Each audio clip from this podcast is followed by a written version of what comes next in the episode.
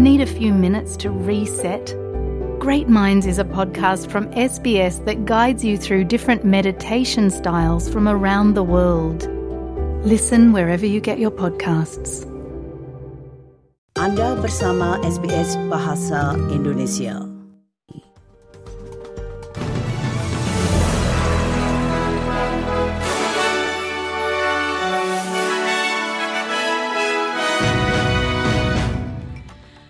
Warta berita SBS Audio untuk hari Senin tanggal 7 Agustus. Sari berita penting hari ini, laporan baru menemukan kesepian tumbuh di antara orang Australia. Pemerintah bergerak untuk menindak kesalahan penasihat pajak dan dalam olahraga Amerika Serikat tersingkir dari Piala Dunia Perempuan. Berita selengkapnya. Sebuah laporan baru menemukan bahwa orang Australia menjadi lebih terhubung secara online, tetapi juga semakin menyendiri. Laporan tersebut oleh jaringan organisasi penelitian nasional yang disebut mengakhiri kesepian bersama menemukan bahwa mereka yang berusia 18 hingga 24 tahun adalah yang paling mungkin kesepian. Pengalaman lebih dari 4.000 warga Australia berusia 18 hingga 92 tahun dari seluruh negeri didokumentasikan dalam laporan yang dirilis pada hari Senin bertepatan dengan Pekan Kesadaran Kesepian pertama di Australia. Loneliness is now seen as a critical issue of our time, and it's actually really identified as the next public health priority that we do need to address. There's enough robust scientific evidence. Pemerintah akan memperkenalkan ketentuan baru untuk memperkuat undang-undang perpajakan guna mencegah skandal seperti kebocoran Pricewaterhouse House Coopers. Pemerintah akan menerapkan rekomendasi yang tersisa dari tinjauan independen Dewan Praktisi Pajak, sementara Departemen Perbendaharaan akan meninjau undang-undang penalti dan kerahasiaan. Senator buruh Deborah O'Neill yang berperan penting dalam mengungkap informasi tentang kebocoran pajak PwC mengatakan pemerintah telah menanggapi temuan tersebut dengan tepat.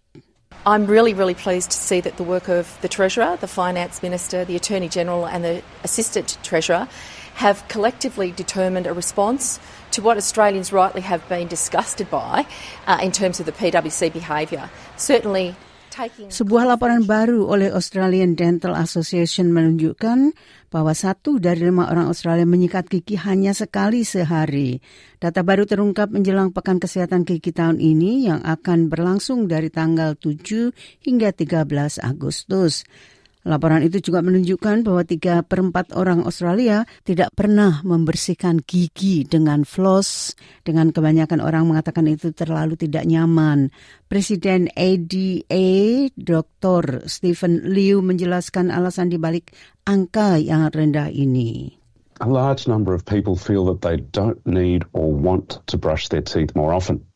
29% of people say brushing their teeth causes pain and therefore avoid it, Independent Tail MP Kate Cheney telah memperkenalkan RUU Restoring Trust yang akan lebih membantu transparansi politik. Dan RUU tersebut memiliki 13 reformasi dengan dukungan luas dari crossbench.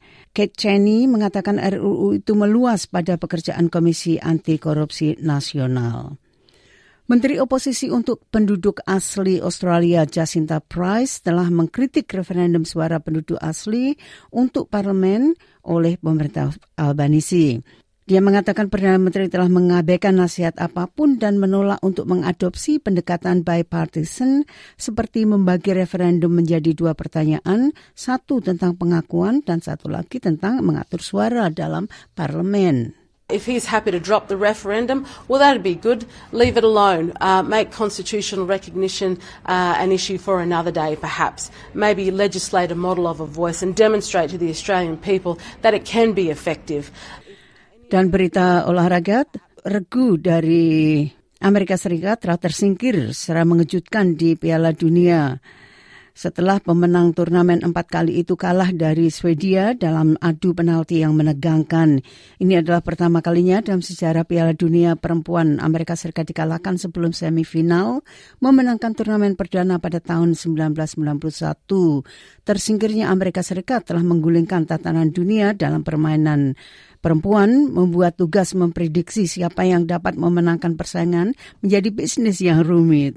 Dan pelatih Amerika Serikat, Vladko Adonovsky, mengatakan itu adalah kekalahan yang menghancurkan, tetapi dia bangga dengan penampilan timnya. Right now, all I think about is uh, the players. Okay, I see the players in tears, and it hurts, and that's all I can think about. The, the team defend- Dan Matilda akan berhadapan dengan Denmark pada malam hari ini.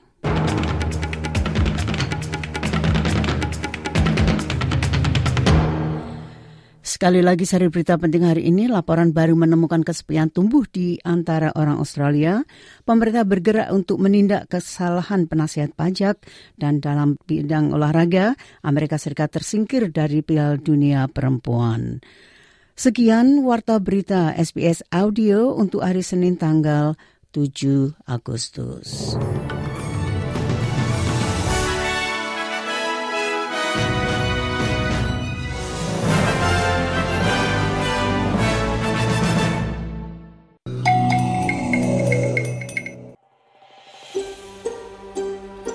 Sukai, berbagi, komentar.